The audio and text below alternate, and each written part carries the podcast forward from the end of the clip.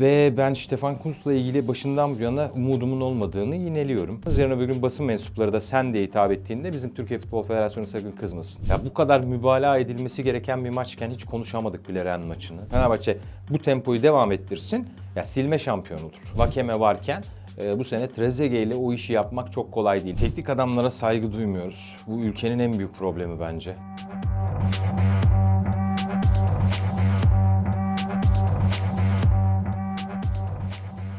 Geldin. Öncelikle sana dünkü milli maçla ilgili bir sorum olacak. 3-3 berabere kaldık Lüksemburg'la. Karma takımla da çıksak diyorduk. Hep bunları söylüyorduk ama sence karma takımla çıksak sonuç değişir miydi? Ama önce Lüksemburg camiasını tebrik ediyorum. Ülke diyebilecek miyiz bilmiyorum ama camiayı tebrik ediyorum. Gerçekten de iyi iş yaptılar ve çok iyi beklediler bence. Ve rasyonel bir oyunları var. O 15 metrelere falan sıkıştırdılar oyunu.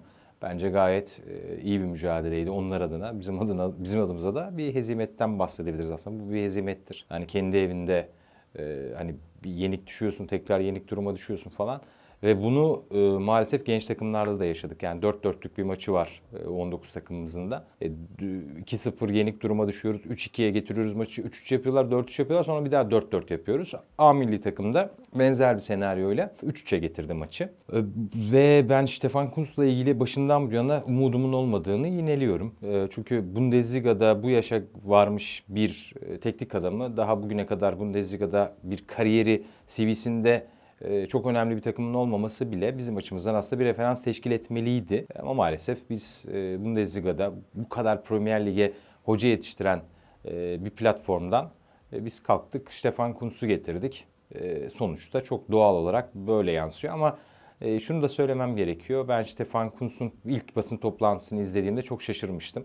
O kuruma layık gördüğünüz birini oraya koltuğa tutturuyorsanız orada bazı şahıslar, isim vermeyeyim hadi neyse, e, hocaya olan üsluplarını bence değiştirmek zorundalar. Bunu Türk Türkiye Futbol Federasyonu bu üslupla konuşursa hocayla yani o makamda oturan kişiye sen diye hitap edemezsin. Yani siz diye hitap etmek zorundasınız. Yarın öbür gün basın mensupları da sen diye hitap ettiğinde bizim Türkiye Futbol Federasyonu sakın kızmasın. Daha adamın birinci gününde adama yapılan muamele çok hoş değildi bence. Ee, Galatasaray kısmına geçeceğim şimdi.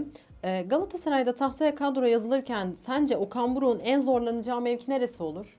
O zor soru. Kerem Aktürkoğlu'nun bölgesi. Yani çünkü yerli probleminden dolayı, Galatasaray'ın yerli probleminden dolayı oraya Kerem'i yazmak zorunda kalıyorsunuz. Ama bu formuyla ne kadar gol atsa da iki hafta önce, performans sergilese de o tercih hataları yapmaya devam eden bir Kerem Aktürkoğlu var. Ama Galatasaray 3 yerliyi sahaya koymak zorunda tüm takımlar gibi. E, Yunus'u koyuyorsun. Abdülkerim ya da Emin Bayram'la oynuyorsun. Üçüncüyü bulmak çok zor. Berkan orayı zorlar mı? Ama şimdi Mitchell geldi. Mitchell'ün de ben kolay kolay formayı bırakacağını zannetmiyorum. E, Çok kaliteli bir oyuncu olduğuna inanıyorum başından bu yana.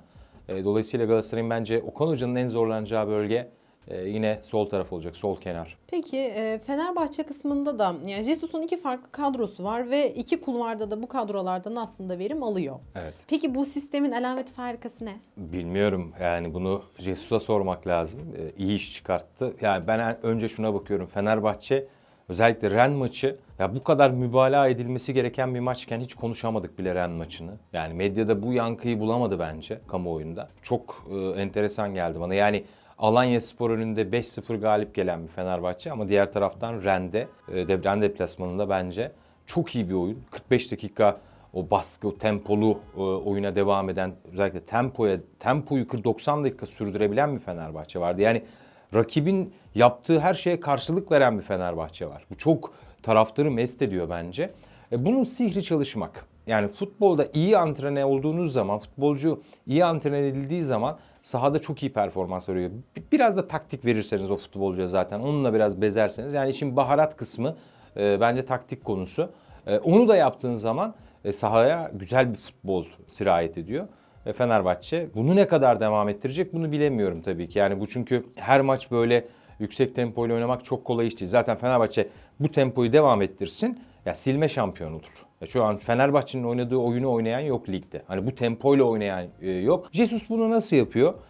Şu var. Fenerbahçe yedek kulübesindeki oyuncu e, şunu biliyor. Ya sahaya işte İsmail Yüksek çıkıyor. Lan ben nasıl keseceğim şimdi İsmail Yüksek'i?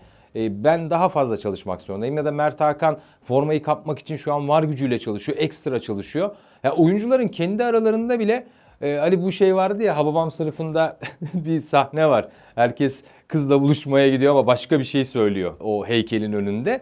Fenerbahçeli oyuncular da baba nereye gidiyorsun? Ya eve dinlenmeye gidiyorum deyip bence gidiyorlardır fitness'a falan çalışmaya. Peki biz bu oyunun e, zirvesini gördük mü? Çünkü Jesus maç sonu açıklamalarında üzerine ekleyeceklerimiz vardı hep bu oyun için. Yani bu oyunun üstüne eklenirse.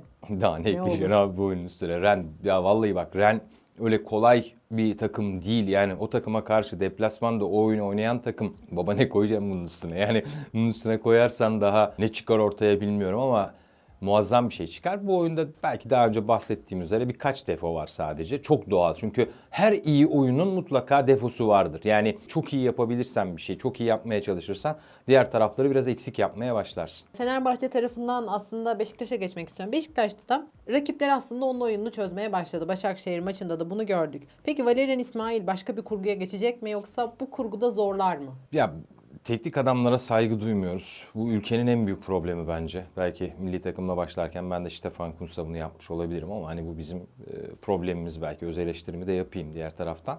Ee, ama Valerian İsmail ile ilgili zaten adamın üçlü oynamasına taktık. Doğrusu yanlışı ayrı bir şey ama takmak başka bir şey. Ee, biz bunu çok yapıyoruz. Şimdi Valerian İsmail ile ilgili yine negatif yorumlar başladı.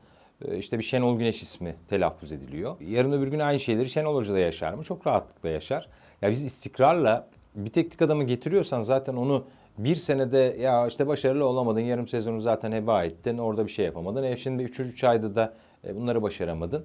Ya bu zihniyette çıktığımız zaman yola ama bu sosyal medyanın çok büyük bir etkisi var ve bu kitlelere yön veren insanlar da diğer taraftan taraftarın da algısını değiştirip hocaya olan bakış açısını değiştiriyor ve bunu en çok yapan takım maalesef Beşiktaş. Yani Beşiktaş'ta o geçen Cüneyt Kaşeler'le yaptığımız programda da Beşiktaşlılık diye bir şey var ve herkes hayır senden daha iyi Beşiktaşlı benim, hayır ben senden daha iyi Beşiktaşlıyım diyerek çok fazla söz sahibi olduğunu düşünüyor. Yani bunun muhabirinden tut, yöneticisinden tut, futbolcusuna kadar her yere, taraftara kadar her yere sirayet etmiş bir şey.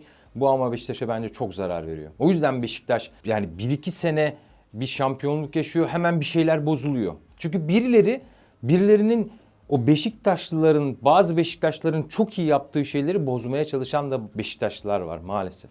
Ya benim gördüğüm tablo bu Beşiktaş özetim. Çok acı bir şey ama. Hangimiz daha iyi Beşiktaşlıyız derken aslında Beşiktaş'a zarar veriyorlar. E tabii çünkü bu Beşiktaş'ta çok iyi bir şey yaptı, yaptığı zaman o çok fazla ön plana çıkabiliyor. Ve o, o kişinin ön plana çıkmasından rahatsız olan Beşiktaşlılar da burun abalıya tarzında en ufak bir sendeleyişte hemen e, alaşağı ediveriyorlar. Aslında Beşiktaş gibi bir diğer şu an sorunlar yaşayan kulüpte Trabzonspor. Geçen senenin şampiyonu Trabzonspor'da Abdullah Avcı'nın eksik noktasının ne olduğunu düşünüyorsun? Ya sanki mental anlamda ne lige hazır ne de kadrosu lige hazır. Yani hangisi daha ağır basıyor? Ya aslında senin telaffuz ettiğin şey Abdullah Avcı da telaffuz etti. Yani o şampiyonluk havasından hala sıyrılamayan bir e, camia görüntüsü var Trabzonspor'un ama Abdullah Avcı da buna tuz biber ekiyor bence. Yani yine burada yaptığımız e, Söğütlü Çeşme Beylikdüzü'nde özellikle bahsettik. Yani Siopisiz bir takımı çıkartmak e, birkaç maça öyle başladı Abdullah Hoca. Ya bunlar Trabzonspor açısından e, temassız oyuna sebebiyet veriyor. Rakipler de Trabzon'un orta sahasını o kadar rahat eli kolu böyle sallayarak geçiyorlar ki e, ve Trabzonspor'un özellikle maça iyi girememesine sebebiyet veriyor.